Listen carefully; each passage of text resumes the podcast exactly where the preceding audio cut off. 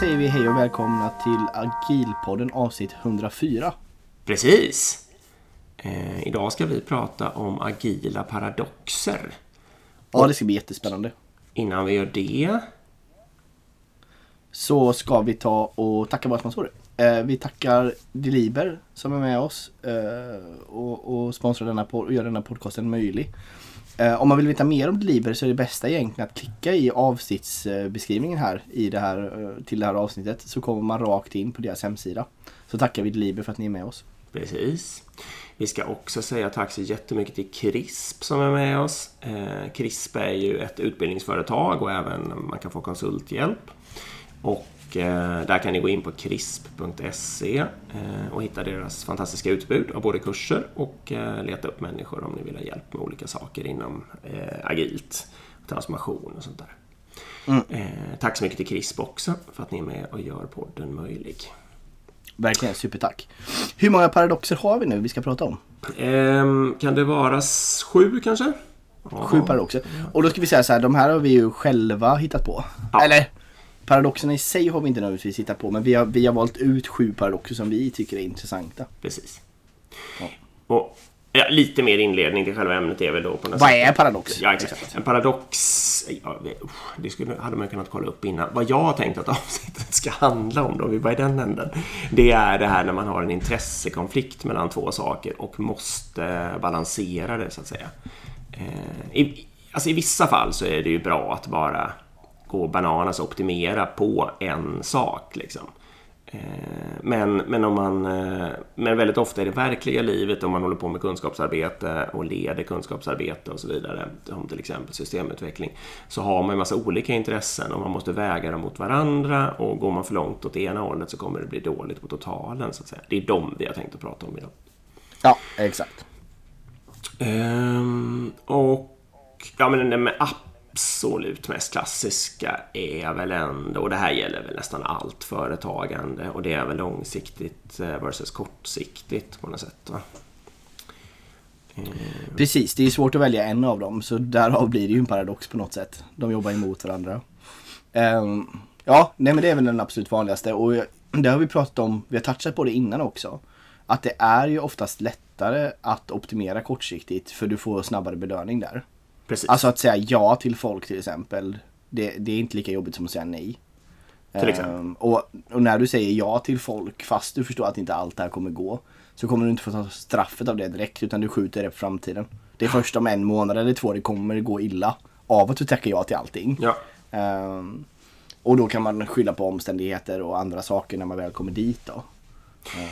Ja, för ofta är ju de här de eh, långsiktiga nackdelarna har ju ofta en tendens att vara luddiga till sin natur. alltså att, och de kortsiktiga nackdelarna är ju ofta väldigt krispiga och det är ju ett problem då på något sätt. Så att många människor, det är ju mänskligt att tendera att optimera för kortsiktiga saker så att säga. Eh, verkligen. men, off- men inte bra för organisationen i det långa loppet. Och sen finns ju den här, och det är därför det blir en paradox också, för det finns ju den här omvända eh, personlighetstypen, eller vad man nu vill kalla det, som, som helt enkelt säger att eh, kortsiktigt är bara skit och jag ska jag ska sitta, nu vill jag ha ett år när jag bara sitter och inte levererar någonting här utan sitter och funderar ut den långsiktigt mest estetiska arkitekturen eller liksom bygger enorma plattformar eller ja, vad det nu kan vara för någonting. Utbildar alla människor och sånt där. Jag ska liksom göra klart någon slags superstabil grund först eh, innan jag ens börjar skapa någon nytta. Eh, och det brukar ju också bli bajsdåligt liksom. Ja, Ehm, Så långsiktigt, kortsiktigt så gäller det då både precis det du var inne på, förstå psykologin och eh, men också då verkligen att sen på riktigt klara av och, och väga dem mot varandra och även få in det kortsiktiga leveranserna, få sin återkopplingsloop eh, sluten och alltihopa. Liksom. Ja, och sen är det ju så att eh, ofta är det som chef har du lite större ansvar att ta det långsiktiga perspektivet. Ja. Eh, för många gånger har, i alla fall inom vår bransch, så ett utvecklingsteam jobbar ju med 90% här och nu, lösa små problem, leverera kortsiktigt. Ja, Eh, de bygger ju samtidigt en långsiktig arkitektur och så vidare men, men majoriteten av jobbet är ju ändå att lösa saker här och nu. Eh, och här har ju Toyota en ledarskapsprincip också, kommer du ihåg den? Eh, det är väl att man ska fatta beslut på det sättet som gynnar företaget eh, långsiktigt eller något sånt där. Kan du den exakt? Även om det är, ja exakt så. Men Just tillägget är även om det är på bekostnad kortsiktigt. Kortsiktiga ekonomiska mål är det väl till och med förresten? Ja, till och med det. Exakta formen. Säg det nu i sin helhet då. När vi har startat fram den. Aj, aj. Man ska fatta eh, beslut som långsiktigt gynnar eh, företaget även om det sker på bekostnad av kortsiktiga ekonomiska mål. Exakt. Så de, de driver ju en ledarskapsprincip då som handlar väldigt mycket om att optimera långsiktigt. Exakt. Och det är ju just på grund av det här problemet. Ja. Och då ska ju sägas att de väldigt mycket, det de får jobba med mycket då, det är ju just att inte straffa människor. Alltså folk behöver ju kunna hänvisa till det där eller det behöver ju finnas en förståelse då. Så när folk säger nej till olika saker eller någonting tar längre tid än vad man hade tänkt eller något sånt där. Att det då finns en grundläggande förståelse för det i organisationen. Att ingen liksom blir kritiserad direkt då och sånt där. Eh, tror jag. Alltså det är, ju- det är ju så man behöver jobba för att få den balansen. Liksom. Ja, verkligen. Eh, Jag ska bara lägga till det här med utvecklingsteam. Att, för där tycker jag det finns två... Att man lätt hamnar i ett av två lägen. Och det ena läget är ju som du sa då. Att man jobbar jättehårt liksom, på att kortsiktigt leverera så mycket som möjligt. Men det andra är ju, som jag har sett i vissa lägen, det är just det här att det finns ett antal starka teknikpersoner som vill ha någon form av teknisk perfektionism i någon form av plattform. Eh, och som, som till slut, om det inte balanseras så kan det bli precis tvärtom. Att de bygger liksom för, en, för någonting som kommer vara världsbäst om 10 eller 20 år. Men man inte ut någonting och lär sig ingenting. Liksom. Nej. Absolut. Så även där finns det, existerar fällan på något sätt tycker jag. Visst, absolut. Ska vi hoppa över till eh, paradox nummer två då? Mm. En av mina favoriter. Ja. Struktur versus icke-struktur. Eller frihet exakt. kanske man borde säga. Något, jag vet inte. Ja men på något sätt. Och den här kan man ju ta på så många olika nivåer. Ja. Eh, Men jag tror det jag stör mig mycket på, eller det jag ser i många organisationer och som jag stör mig en del på. Det är att struktur premieras före icke-struktur. Man tänker att det är bra liksom. Mm. Ja, det är alltid bra. Ja. Ehm, det är alltid bra. Och de är, det är inte en paradox på så sätt, men det är det verkligen. Och det mycket klassiska sådana här misstag det är ju att man ser att chefer tar fram alldeles för avancerade utvecklingsmallar eller Ja. eh, ett till ett samtalsmallar eller vad det nu är. Utveckling, ja, Ja, allt det där absolut. liksom. Eller HR för den delen. Ja. Ehm, och, och sen så sätter man upp samma eh, med alla medarbetare man har. Så man sätter upp liksom en, ett avställningssamtal varje vecka, en timme med samma agenda med alla sina 25 anställda som rapporterar till en. Och sen så tycker man, gud vad bra struktur jag har nu. ja. Liksom. Och det kommer vara några medarbetare som tycker det är fantastiskt, som tycker det är jätteskönt att få sitta innan och fylla i en mall. Och det finns eh, förberedda topics och man har en agenda och det är tidsatt och det finns framtida mål. Och, alltså det en del kommer tycka att det är magiskt. ja, absolut. Men några kommer också tycka att det är helt värdelöst. Där, Ja. och där, är ju, där finns ju jag till exempel. Ja. Ehm, så m- poängen är ju här egentligen att m- man kan inte välja mellan struktur eller icke-struktur. Man måste, som chef måste man situations och personlighetsanpassa det här. Liksom. Att en del kommer vilja ha struktur och då ska du hjälpa dem att skapa den strukturen. Och en del kommer inte vilja ha struktur och då behöver du inte hålla på att trycka på den strukturen på dem heller. Jag har två stycken klyschor här som jag ändå tycker applicerar på det här. Eh, och det ena är en fälla och det andra är en strategi då kan man säga. Och fällan går ju eh, så här att det perfekta får inte bli det godas fiende. För jag tycker att just vad gäller struktur så finns det en tendens att eh, eh, att människor eh, ska skapa perfekta strukturer, alltså som verkligen som skapar en enorm ordning och reda. Och några gillar det, de tänder på det nästan, de gör liksom st- stora, vad det nu är för någonting, dokument eller mötesserier eller det kan vara precis vad som helst.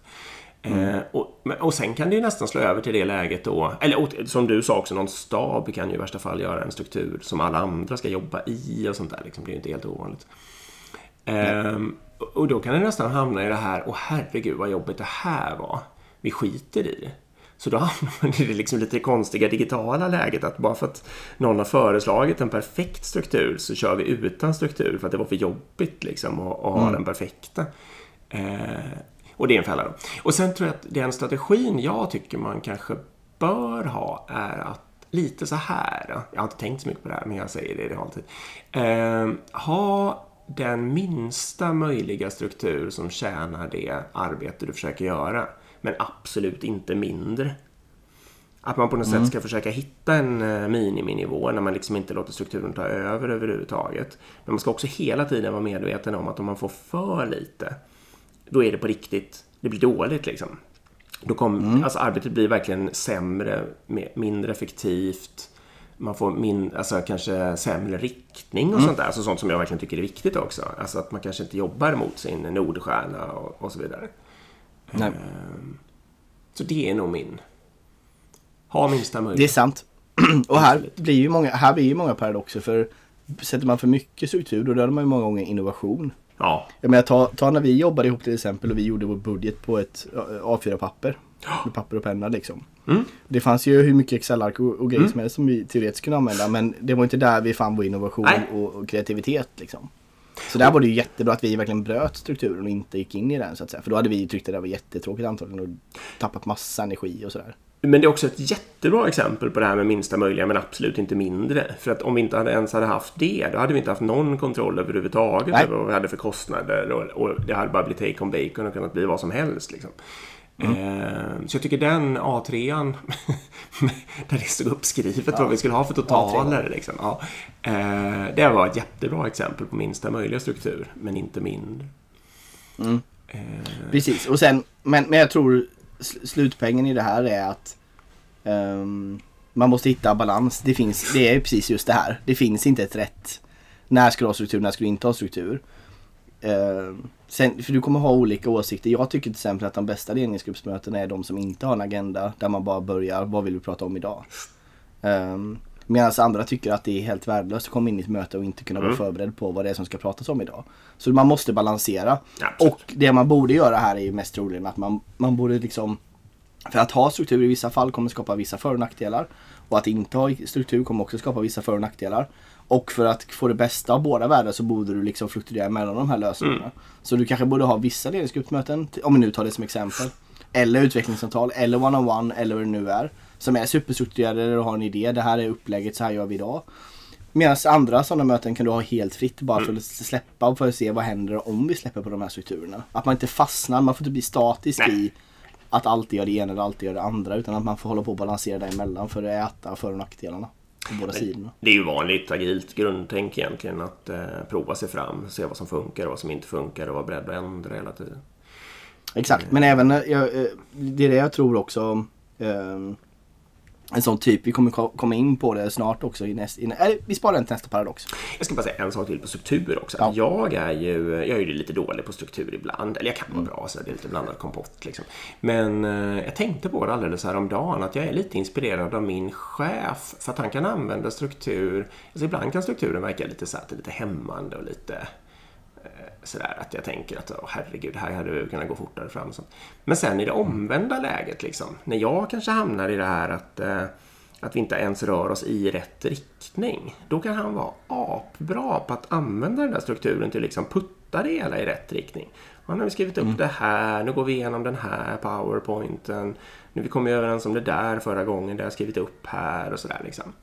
Eh, och, och, det försöker jag verkligen att eh, kopiera och, och liksom verkligen så här, när tjänar strukturen mig? Och då ska jag verkligen dra nytta av det, även om det liksom inte känns världsbäst i min maggrop. Eh, mm. Och ha den då. Liksom. Ja, minispaning. Det vi, mig själv kanske. Vi kommer ju komma till den här slutspaningen ganska fort som ni förstår att eh, ledarskap handlar ju Ja, det beror på exakt. Det har vi alla agilcoaches första svar. Ja. Nej men eh, eh, jag tror slutspaningen kommer ju vara när vi gått igenom alla de här paradoxerna och det finns ju så många mer än vad vi nämner. Det är ju just det att som ledare men även som icke-ledare så är ju ditt jobb att balansera alla ja. de här paradoxerna precis. i en social kontext. Liksom. Det är precis. precis det som blir ditt jobb. Jo. Okej, vi fortsätter. Nummer tre. Eh, precis, nu har vi försökt struktur. Leverans versus teknisk skuld det är väl en klassiker. Mm. Ja, men det, är det, det brottas alla utvecklingsteam. Det är en av de vanligaste frågorna jag får. Hur löser ni teknisk skuld versus...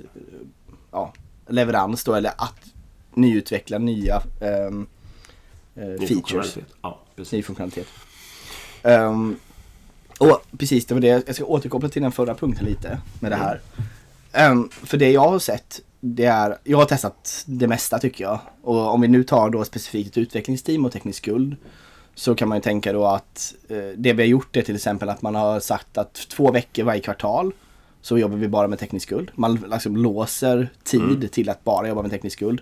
Och då säger man till produktägaren att nu får du ta två veckors semester och jobba med något annat. Nu ska vi bara gotta ner oss i tekniska myssaker här liksom. Mm. Och det behöver inte ha något värde alls egentligen. Det kan bara vara rent teknisk innovation eller vad det är.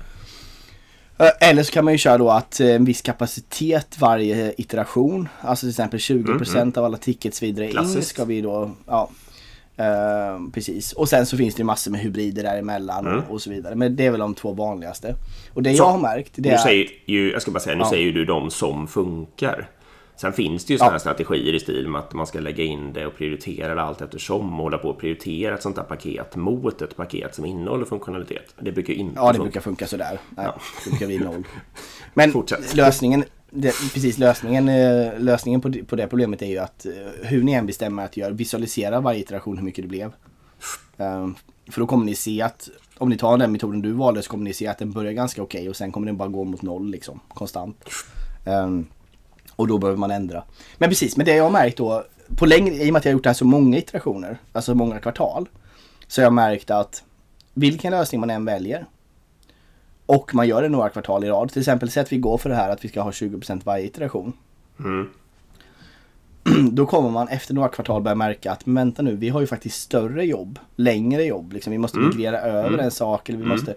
Nackdelarna så att säga med den metoden man väljer kommer börja växa sig starkare och starkare och starkare. Och efter ett x antal kvartal kommer de vara så pass starka att det enda rimliga är att byta metod till en annan som äter upp de nackdelarna. Och då kommer man byta till en metod som skapar nya nackdelar. Men då är de små till att börja med. Och sen när de har byggt upp sig tillräckligt stora, då ska man byta igen. Så min, min, mitt tips till utvecklingsteam i den här frågan är alltid välj en metod. Börja med den. Det spelar egentligen inte roll vilken så länge ni visualiserar och ser till att det blir gjort. Och sen när ni anser att nackdelarna är för stora så ska ni byta. Och det är väl precis just det här liksom att hela tiden balansera mellan eh, olika lösningar. Ja, precis. Men nu, det, egentligen löser du två. För dels löste du liksom själva grundparadoxen med teknisk skuld versus leverans. Men sen har ju, råkade du identifiera en annan paradox nu som hänger ihop med, alltså, vad heter det? Stora teknisk skuldproblem versus löpande teknisk skuldproblem. Och så hittade du en lösning på det också. Liksom. Eh, nej, bra. Jag ska säga också att det finns ju, vi, vi hade upp, eh, an, eller för leverans kan ju ställas mot många saker. Eh, så är det en syskonvariant till det här eh, leverans versus teknisk skuld, det är kanske leverans versus eh, människorelaterade grejer.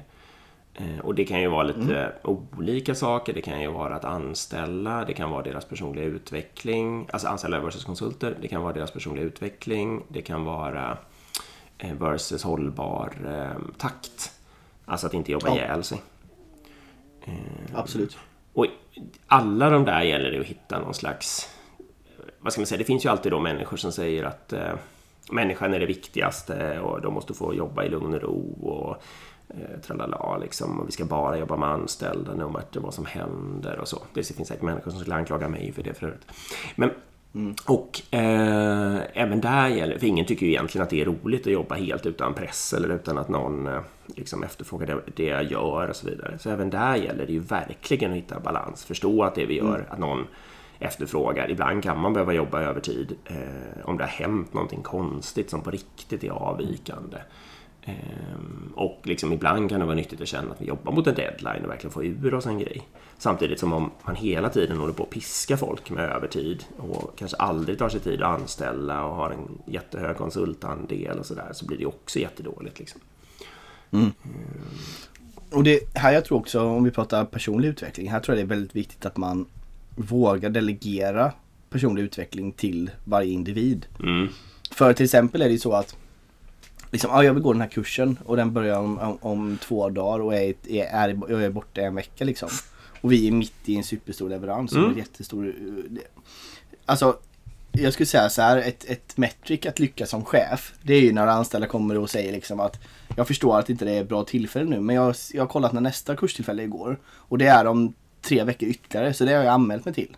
Liksom, Förstår du? Att de själva tar det ansvaret att balansera eh, leverans mot sin egna utveckling. Eh, att de, att de är ansvariga för den planeringsprocessen. Det är farligt när chefen ska behöva sitta och säga ja, nej, kanske, har du tänkt så här? Eh, helst, helst vill man komma ifrån det, eller helst vill jag i alla fall komma ifrån det ansvaret. Samma Ja. sak med semester och sånt där. Det här är ju lite, för jag har nog kanske en annan uppfattning. Men jag, och jag, om jag snabbanalyserar det så tror jag att det kanske beror lite på vilket läge man är i. Men kanske ofta i min organisation så blir utbildning för nedprioriterat. Liksom. Alltså jag kan se det själv på strukturell nivå. Alltså om jag helt enkelt kollar hur mycket har människor utbildat sig så är det helt enkelt för lite. Alltså jämfört med vad jag tycker verkar rimligt. Eh, och då kan jag känna det omvända scenariet lite. Att om det blir strukturellt och människor alltid känner för stort ansvar och prioriterar leverans för högt. Då är det alldeles utmärkt fråga att inte delegera. Utan precis tvärtom. Att jag bara säger nej, utbilda dig, det är en order. Och är någon ifrågasatte det så skyller du på mig. Liksom. Ehm, för just att Ja, de ska precis, det beror på kontext där. det beror lite på det. För, och det blir ju då istället att de ska slippa den intressekonflikten. De ska slippa säga till sin produktägare själva liksom att ja, men jag valde min personliga utveckling här istället för din leverans. Ehm, utan att de mer ska säga jag, jag fick Liksom, jag blev kanske beordrad hårt, men jag, jag fick liksom tydlig instruktion liksom, att jag skulle gå den där kursen. Och då blir det ju av. Men absolut, det här beror ju på varifrån man kommer. Det gör det ju. Ja, det är det. Ska vi hoppa över på paradox nummer fyra? Mm. Listening versus telling. Eh, Ja, just det. Nu har vi inte översatt den där. Eh, lyssna versus att berätta saker. Prata. eller? Ja, Prata. berätta. ja. Exakt. Ja, vill du börja? Mm, det här har jag svårt för personligen. jag går lätt på att prata lösningen.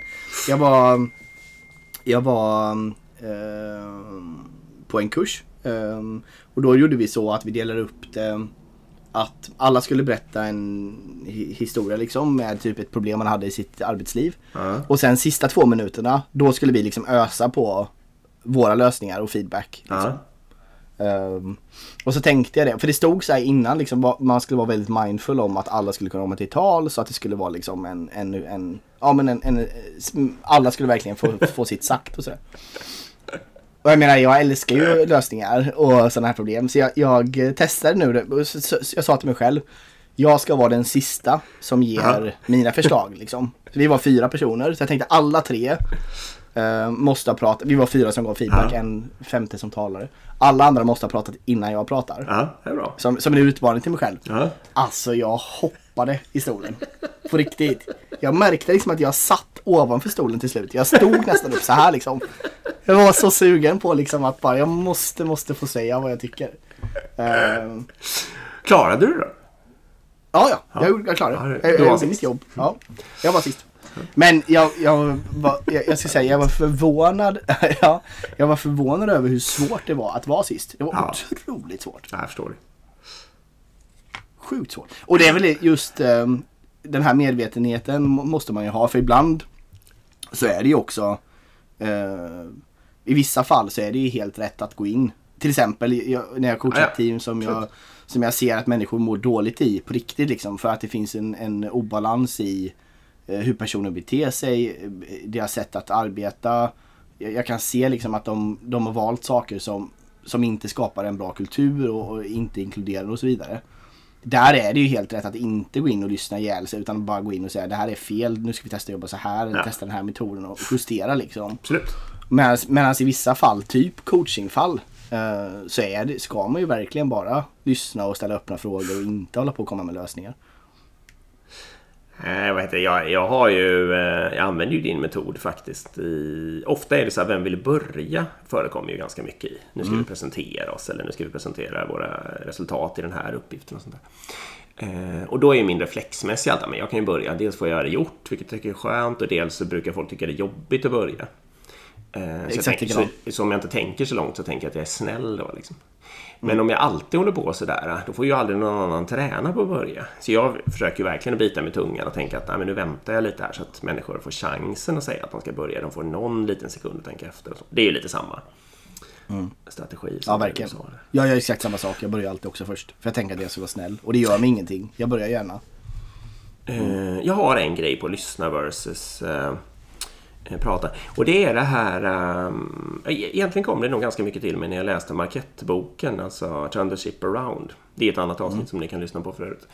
Eh, och då är det lite så här att en svaghet kanske i mitt ledarskap, i alla fall från tid till annan, det har varit det här med att åstadkomma en förändring som lever kvar om inte jag är där.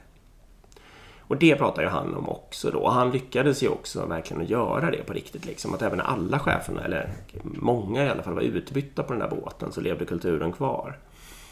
Och då tror jag att det här är lyssna versus, om man vill det, eh, då, får, då blir det ju långsammare förändring man måste åstadkomma.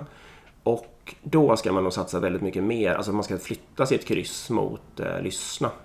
Eh, för ju mer man pratar, desto fortare går det att åstadkomma kortsiktig förändring. Men desto mindre varaktig blir det. Men om man har gjort, alltså man liksom mer än bara genom att vara där och kanske ge råd, svara på frågor och sånt där. Men inte själv ge några lösningar. Det betyder ju att nästa gång när jag inte är där så är chansen enormt mycket större att de här människorna som är där kommer komma på en bra lösning. Eh, I alla fall därför att man, jag kanske har utbildat dem eller fått dem att tänka på rätt sätt snarare än liksom att eh, leverera lösning. Eh, Så att om ni har den ambitionen som ledare eller som alltså någon form av det ni jobbar med, att ni vill ha en långsiktig förändring som märks efter att ni själva inte är kvar, då är, tror jag lyssna är en... eh, Då ska man flytta eh, balansen mellan lyssna och prata mot lyssna. Liksom. Mm. Nej, det är bra. Det jag håller med. Okej, dags för paradox nummer fem då. Ja, hur översätter du den då? Hjärta versus hjärna kanske? Ja, det blir det väl. Och här, alltså då i hjärta ligger ju typ empati och alltså sådana saker. Kärlek och tycka synd om folk och så vidare. Och, och hjärna ligger ju mer liksom rationalitet och så vidare. Alltså vad är det- bra för lönsamheten och sånt där skulle man ju Ja, till exempel sådana saker. Och, och ett bra exempel här är väl en medarbetare eller en chef för något som inte presterar då. Mm. Då kan man ju tycka att det finns säkert många gånger massor med anledningar till det. Alltså personen kanske har det tufft privat. Eh, personen kanske inte har fått rätt förutsättningar, kontext, utbildning, stöd. Mm, mm. och vad det allt kan vara liksom.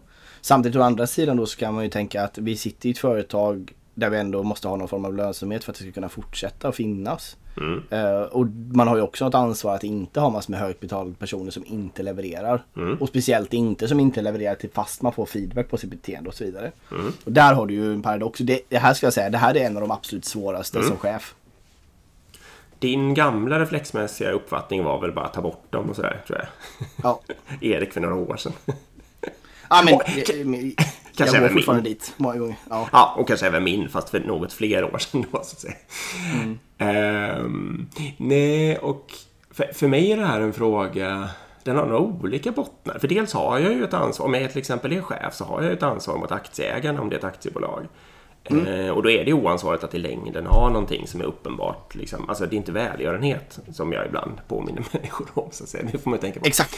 Men- Ytterligare poäng där bara innan du fortsätter. säg. det är ju också vad sprider det för kultur och stämning? Jag menar de andra cheferna är ju uppe, ser ju detta. Jo. Och att, och att, det, att det anses okej i en organisation att bara inte leverera och, och så vidare. Det skapar ju en omotivation hos Ja. andra människor också. Varför ska jag anstränga mig då när den där personen har ungefär lika mycket lön för att typ inte lyckas med någonting? Liksom? Ja, exakt. Eh, men sen, den and- sen finns det ju en botten som är mer moralisk då på något sätt. Att om en människa kanske har jobbat länge i organisationen och, och verkligen försökt och kanske gjort nytta i en tidigare en annan kontext och kanske antingen slutat fungera på grund av kontextbyte, alltså att eh, världen har utvecklats men inte människan. Eh, eller på grund av någon personlig tragedi eller liksom vad som helst. Så kanske man inte heller vill ha den sortens moral att äh, då, nu passar det inte längre så nu åker du ut liksom. Ehm, och sen är det Nej. min tredje sån aspekt som jag verkligen tänker på i det här sammanhanget. Det är ju själva psychological safety. Den är ju lite kusin till den här moraliska. Men att hur påverkar alla andra människor om folk försvinner på dagen eller om folk blir utköpta. Om det inte kan förklaras ordentligt. Kan det där hända mig också? Ja, det är bäst att jag är lite försiktig. Då ska jag inte lägga fram de här förslagen och så vidare. Nej, visst. Absolut. Så, liksom, där gäller det ju, tycker jag, extremt mycket att ha en balans mellan de här, Mm. typ, ungefär de sakerna som vi just sa och kanske några andra saker också. Ehm, och försöka och, och liksom, vad ska man säga, ta hänsyn till dem så att det blir en- den lösningen som jag väljer är mellansnabb då så att säga. Och att den kan förklaras. Alltså inte att en eh, ohållbar situation får fortsätta evighet men heller inte att man löser med någon drastisk åtgärd på dagen. Ehm, och att personen verkligen får chansen och att om det nu sker flyttar av människor att de verkligen kan förklaras för alla människor som är kvar. Så att det inte verkar konstigt. Liksom. Mm. Typ där någonstans brukar jag försöka hitta mina lösningar. Ja, nej men det är sant. Och jag har varit med om alla de där situationerna. Jag har varit med om där det har blivit liksom chockartat för någon har försvunnit för, för, för fort liksom. Eh, Men samtidigt har jag också varit med om situationer där det har skett, som du säger, någon form av balans. Och då blir ju ofta reaktionerna att Ja, vad bra, nu blir det förhoppningsvis bättre för alla och det är väl förståeligt och så vidare. Så, så, men jag är också, det absolut vanligaste ändå, det är ju Status quo. Ja, att det inte händer någonting och att folk är skitfrustrerade över att folk får sitta kvar i all evighet liksom. Och det, det, så det är den balans, jag håller med. Antagligen borde man ju Man borde ju ha mer personer som oss i ledningsgrupper där. ja, Antagligen. Som är lite mer actionsugna liksom. precis. Ehm, Men det har ju sina nackdelar också, absolut. Ja, precis. Nej, det, det är en bra paradox på det viset. Att, eh, Ja, den, det är, jag, jag tycker att det är en av de svåraste som chef faktiskt. Jag har ju varit med om att, jag har, att folk har klagat på en konsult eh, jätte- jättemycket. Många har kommit till mig och sagt att den levererar inte, det funkar inte och sådär. Eh, och då tycker jag kanske att eh, det är inte, då är inte jag arbetsgivare och sådär. Och jag menar, då är det ju kanske känner att konsultfirman har ett större moraliskt ansvar än vad jag har. Så att säga. Ja, det är no-brainer. Ja, lite kan man väl tycka det. Va? Och kanske att jag ändå har sett till att det har skett återkoppling och så vidare. Och sen så säger jag då så här, ja, men bra, då avvecklar vi den och ser vi upp den. Liksom. Och då är plötsligt så blir folk jätte... Jag vet inte om det är att de inte vill ha blod på sina händer eller, vad, eller liksom vad det nu är för något. Men att de blir jätterädda. Så, nej, nej, vi, lite mera chans måste den få. Liksom. Vi måste prova. Och vi kanske kan... eh, Så här, men vadå, du har ju just sagt till mig de senaste tre eller sex månaderna att det här inte funkar. Att du inte ser något hopp och sådär. Och då har jag ju ofta stått på mig bara och tänkt att nu får jag liksom agera faktabaserat. Jag får se det. All den här inputen som jag fått innan får jag se som fakta. Och så får jag bara göra det som är bäst. Eh, Men det, det, det kan verkligen hända. Alltså, människor kan reagera och tänka väldigt olika. Det gäller att vara beredd på det mesta i, i den balansen mellan hjärta och hjärna. Mm. Nej, verkligen. Ja. Okej, bra. Uh, ska vi gå över på paradox nummer 6 då? Mm. Innovation versus operational excellence. eh, Och vad menar vi här? Alltså det här Nu lite... eh, innovation är ju helt enkelt förmågan att eh, hitta nya lösningar, nya affärer, nya affärsmodeller eller vad det nu är. Och sen så operational excellence ska i det här sammanhanget förstå då som att vara jätteeffektiv och bra på det som är nuvarande affär och, och verksamhet så att säga. Ehm, och det är ju verkligen en svår och otroligt intressant paradox. För det är, man vill ju gärna finslipa på det. Alltså se till att ens lönsamhet är hög i det vi håller på med så att vi blir mer och mer effektiva hela tiden och smartare. Och det känns lättare och blir roligare och så, så vidare. Och så vidare. Men det brukar ofta, in, den miljön som man skapar för det är ofta inte den miljön som är bäst för att få massa nya galna idéer och, och prova, alltså, prova tio galna saker varav bara en flyger, eller hundra varav bara en flyger. Liksom. För det, det är ju snarare dyrt, slösaktigt, oeffektivt, eller ja, kalla det vad du vill. Liksom. Ehm, ja, säg, du kanske har en massa bra lösningar på det. Eh, nej, det vet jag inte om jag har. Men jag, jag håller ju med dig. Alltså, eh, paradoxen är ju verkligen att om vi jobbar med operational excellence då kommer vi också frigöra tid för innovation. Det är ju den som är problemet. Mm. Alltså om vi förbättrar det vi redan har så vi behöver lägga mindre tid på att ta hand om det framöver. Då skulle vi ju teoretiskt kunna, om vi lägger nu ett kvartal, då skulle vi ju alla kvartal i all evig framtid sen kunna lägga massor med tid på innovation. Och där är ju lätt att fastna. Mm. Ehm, liksom att, ja det är sant, okej då, men då gör vi det. Och sen så liksom fortsätter man bara i en evighetsloop där. Ehm, Så jag tror ju att eh, det är bra också vara mer aggressiv här för att trycka in innovation. Alltså till exempel att ha hackweeks. Mm. F- då kan man ju teoretiskt gö- göra saker för att öka den operationella excellensen om man säger så då. Eh, men man kan också bara jobb- skapa en helt ny tjänst som man aldrig har byggt med innan och bara göra något helt annat liksom. Ehm, så det kan vara bra bara för att liksom bryta lite den här balansen och bara flytta allt till innovation liksom. Ehm, ja. Egentligen är det väl två... Jag måste, nu tänker jag medan jag pratar här, men jag tänker att det för, för, just för det här med att, att ha innovation finns det egentligen två huvudstrategier. Och den ena är den du just sa, att timeboxa. Och den, då kan man få den eh, skönheten att man liksom kan låta alla människor i nuvarande organisation hålla på med innovation också. Samtidigt som de kan hålla på med sin operational excellence på resten av tiden och inte behöver känna att det är en konflikt. Liksom. Så att man, helt, man blir helt ineffektiv den där innovationsveckan, eller vad man ska kalla det för. För då förväntas man inte göra någonting operational. Eh, och sen så är man eh, eh, effektiv bananas liksom resten av tiden på det. Och det är ju smart. Och den andra strategin är ju mer att låta andra människor eh, hålla på med innovationen än de som håller på med operational excellence. Det vill säga Ja. göra en startup. Eh, Google har väl jobbat mycket så att de har så här företag, skapar nya företag bredvid. Som liksom blir väldigt, väldigt frikopplade. Det här har vi pratat om förut i anslutning till innovation. Men då får man, kan man ju för sig då få sån lite mer crazy bananas innovation. Men man ska nog inte bara hålla på med det för då blir det tråkigt för alla människor som liksom sitter i den, opera, alltså den operationella delen av företaget. Ehm, Ja, det där måste ju Ja, Det där måste ju i så fall ske på makronivå. Det får inte ske på mikronivå. Nej, förstås. Anser jag. Nej, det får inte vara så på mikronivå. Nej, precis. Lisa får gå undan och innovera. Nej, men Kalle det är vanligt. Det är vanligare än vad du tror att eh, Vänta nu, har vi, nu börjar det här utvecklingsteamet bli för stort. Det börjar bli 10, 11, 12, Mm. 13 utvecklare. Hmm. Ja men vi bryter loss en maintenance support-del och sätter det i ett hörn liksom. Mm. Sant. Där de får sitta och sen får resten sitta och bygga nya coola saker. Det är otroligt vanligt och det är alltid fel väg att gå. Mm. Eh, men på makronivå håller jag med dig om att det kan ju vara så att den organisatoriska liksom, strukturen är för komplicerad och för långsam. Mm, Eh, så att för att få riktig innovation, alltså typ starta ett nytt marknad, alltså starta en helt ny produkt eller vad det kan vara. Då kan det vara sunt att ta några personer och sätta en helt annan byggnad där det är de här strukturerna och reglerna och allt inte finns. Bara Exakt. för att man på riktigt ska kunna bryta ut ny, ny innovation. Men återigen, jag, tror, jag håller med dig om man säger, lägger till brasklappen makro versus mikronivå. Ja, och, precis. Och jag tror man ska göra både och. och det, man ska ha timeboxad eh, innovation, precis som du föreslog. Och man ska vara beredd på att knoppa av grejer när man märker att eh, man behöver göra det. Liksom, just för att man sitter fast i, i struktur och sånt. där. Ehm, och, då, och på det viset så kan man lösa den paradoxen eller åtminstone ha någon rimlig balans i paradoxen mellan innovation och operational excellence. Bra. Sista paradoxen. Ja, herregud, får jag säga den på... eh, Jag säger den på engelska tror jag först. Tech savvy versus organization with humans. Eh, och det skulle, tech savvy skulle ju kunna vara att man är lite tekniskt fanatisk eller något sånt där då. Eller väldigt tekniskt inriktad i alla fall.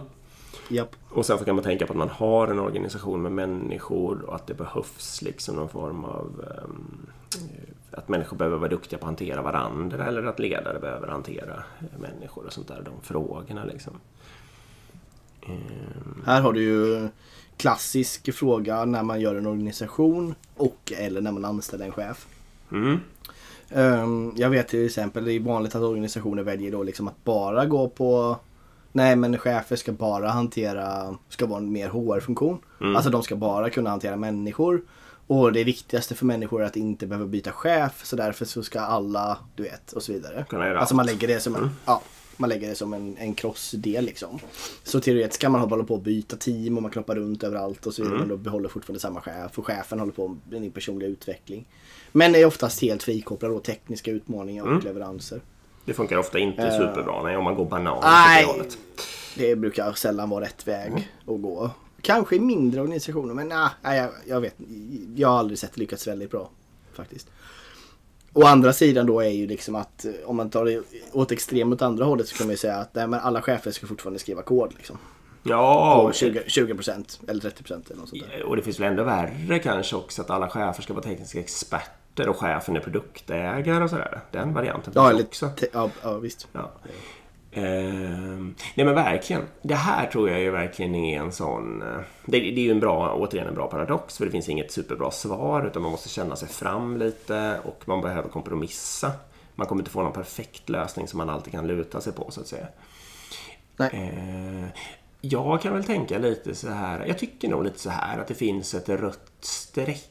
Det har vi pratat om förut. Eh, någonstans, alltså om, man, om man gör tio stycken kompetenser eller något sånt där, eller skills av något slag. Um, och så ska, så ska man säga hur bra behöver en chef vara på alla de här. Då, om man, jag kan nog tänka mig att jag kan hitta tio sådana där jag kan, sen kan dra ett rött streck vid fyra eller fem. Där chefen behöver liksom ha en basnivå i allt. Alltså det, jag tycker på riktigt inte att man kan, om man är 10 liksom, på några tekniska grejer, så kan man inte vara 1 och 0 på några slags HR-aspekter eller människoaspekter och vice versa. Man är 10 på de här HR-relaterade aspekterna, så kan man, man, kan- man kan inte ha chefen i en techorganisation som inte förstår någonting om teknik. Liksom. Nej. Utan att det är någon form av kompromiss man behöver leta efter. Så jag brukar tänka lite när man tillsätter chefer. För ibland får man det argumentet att den, den här chefen skulle kunna ta det här jobbet. Eh, och det tycker jag är dåligt. Om den bara kan ta det jobbet. Den kommer inte kunna ta något annat jobb sen. Liksom. Men sen, Nej, exakt. Det är, det, det är jättebra. Det borde vi förstärka. Ja. Det är väldigt, väldigt sant. Men sen det omvända scenariot, att jag ska hitta någon slags eh, übermänniskor som kan ta alla chefsjobb i hela organisationen. Det behöver jag inte Nej. heller göra. Utan jag nöjer mig liksom om, om man kan, om de skulle kunna ta, alltså i organisationens närhet, om de skulle kunna ta liksom mer än hälften av de jobben eller något sånt där. Eh, då tycker jag att det är en bra ledare som man troligtvis ska utse. Liksom. Den, det kom, den kommer inte å, orsaka låsningar utan den kommer kunna tåla framtida omorganisationer och att verksamheten förändras och så vidare. Och så vidare. Eh, Men om det liksom är färre än hälften av alla jobb som den skulle kunna platsa på, då är det en varningssignal. Eh, Och om den Nej, kan ta med. nästan alla så skulle den troligtvis ta ett högre chefsjobb istället. Ja, så kanske det är. Ja. Men och här kan man också titta på eh, lite högre nivå. För man kan ju tänka då, okej hur ser det ut i den här ledningsgruppen vi anställer till? Mm. För det gör man ju också. Man anställer Absolut. inte bara till Nej. en grupp utan du hör också till en ledningsgrupp. Och om ledningsgruppen nu består av bara profiler med massor med teknisk kompetens men ganska svaga då på kanske Mm. people skills, organisationsskills och bygga team skills och så vidare. Då kanske man skulle hitta någon för att komplettera den svagheten eller tvärtom. Mm, absolut. Du vill ha en bra balans där för det är ju ändå som ledarskapsgrupp liksom. Du, kan, du ska ju också jobba på team på den nivån så att säga. Absolut. Nej, men det är helt sant. Nej, det är också, och så är det ju en bra exempel på en sån eh, paradox. Och sen så tycker jag också att det är viktigt att tänka på, om vi nu just exakt pratar om att utse chefer, så är det också viktigt att tänka på hur pass eh, utvecklingsbar personen är på teknik och människa. För jag tycker inte att man måste ha, jag utser ju många chefer, alltså det är deras första chefsjobb liksom. Eller många får sitt första chefsjobb i min organisation i alla fall. Med mitt, alltså jag peppar för det. Eh, Och då har de ju kanske ofta egenskaper för people, men de kanske inte har tränat på det på något sätt. Nej, Eh, och det är okej. liksom. Och vice versa, att om det är någon människa som, eh, som är tillräckligt smart och har liksom rimligt intresse av teknik men inte har jobbat med det och kan tänka sig att sätta sig in i det, så kan ju det också fungera. Mm, förstås. Och då ska det ju vara både förmåga och, eh, och intresse. Men det behöver inte vara sakkunskap. Det kan man ju verkligen skaffa sig sen. Tänker jag. Nej, men jag håller med. Det var Agilpoddens sju agila paradoxer då. Precis. Skriv upp Ja, men- dem och, och tänk på dem. När ni Ja, och jag tycker det, jobbar. jag tycker det är en spännande, det är, det är spännande, det är, spännande tankar det här. Och jag tycker också det är spännande just att se ledarens roll som en navigatör i, mellan de här paradoxerna. Och framförallt i samband med andra människor, eller hur? För det är det det handlar om egentligen. Jag skulle säga så också att eh, man kanske, delvis kanske det går att acceptera att någon specialist lite mera, det ligger lite mer i dess natur liksom att den eh, suboptimerar åt ena hållet i vissa av de här paradoxerna. Och jag känner samtidigt att jag vill inte ha människor i min organisation som, eh, alltså som inte klarar att tänka i de här termerna, som, ba, som alltid bara gör den enkla lösningen och går bananas på det ena. Liksom. Allt ska vara långsiktigt eller allt ska vara kortsiktigt. Det blir liksom Nej. aldrig bra. Utan de flesta människor ändå, även om de är specialister, behöver på någon rimlig nivå kunna hantera sådana här paradoxer och, och balansera mellan olika intressen. Eh, Det här är ju för övrigt sjukt bra intervjufrågor när Mm. du anställer. Ja, det är det ju. Eller? Precis. För att om man då märker att personen eh, liksom direkt känner att, att den tror att den har ett rätt svar och börjar prata sig varm med. för det så är det troligtvis inte någon jag vill ha kanske. Nej, nej det är sant. Okej, Mm. ska vi runda där? Ja, det gör vi. Ja. Vi ska säga tack till, till Liber. Och jag sa inte det i början av avsnittet också. Men det är ju alltså en, ett produktbolag som har utvecklat en produkt som hjälper produktchefer helt enkelt att bli mer effektiva och bättre. Just. Ehm, så klicka här i avsnittsbeskrivningen så får ni mer information om Liber. Och vi tackar för att ni är med och gör den här podden möjlig. Precis. Och tack så jättemycket till CRISP för att ni är med och gör den här eh, podden möjlig också. Gå in på crisp.se. Och sen om ni vill, missade vi någon paradox eller sa vi någonting som var kontroversiellt eller någonting så kan ni alltid mejla oss till agilpodden.gmail.com eller följ oss gärna på Instagram. Där finns vi under agilpodden. Precis. Eh, Jag kände mig inte så kontroversiell idag. Jag tycker vi hela tiden balanserar det, men det ligger väl lite i sakens natur kanske när man pratar om Ja, paradoxer. det är lite så. Då kan man ju inte, då gör man ju uppenbart fel om, om vi hade gått bananas åt något håll. Liksom. Ja, eller hur? Ja, det är bra. Tack till alla som Okej, lyssnar. då, då säger vi så. Det gör vi. Hej. Hej, hej.